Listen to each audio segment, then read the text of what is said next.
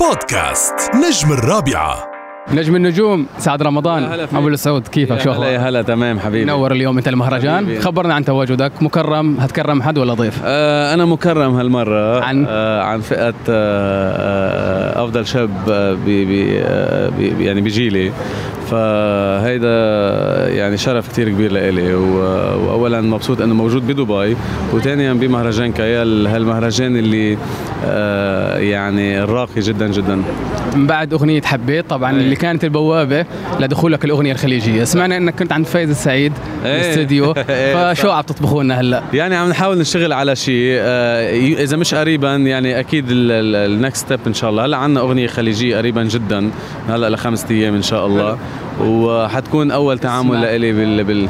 اسمها مو عيبك مو عيب حلو صح هي بيور خليجي بكلاما ولحنا وتوزيعا وكل شيء حلو ان شاء الله آه، عملوا دراسة مع بعض الأشخاص سألوا الناس إنه شو كيف الإنسان ممكن يكون سعيد؟ إيه. في ناس حكت الشهرة، في ناس حكت السلطة، في ناس إيه. حكت الفلوس، ايه من وجهة سعد رمضان كيف الإنسان ممكن؟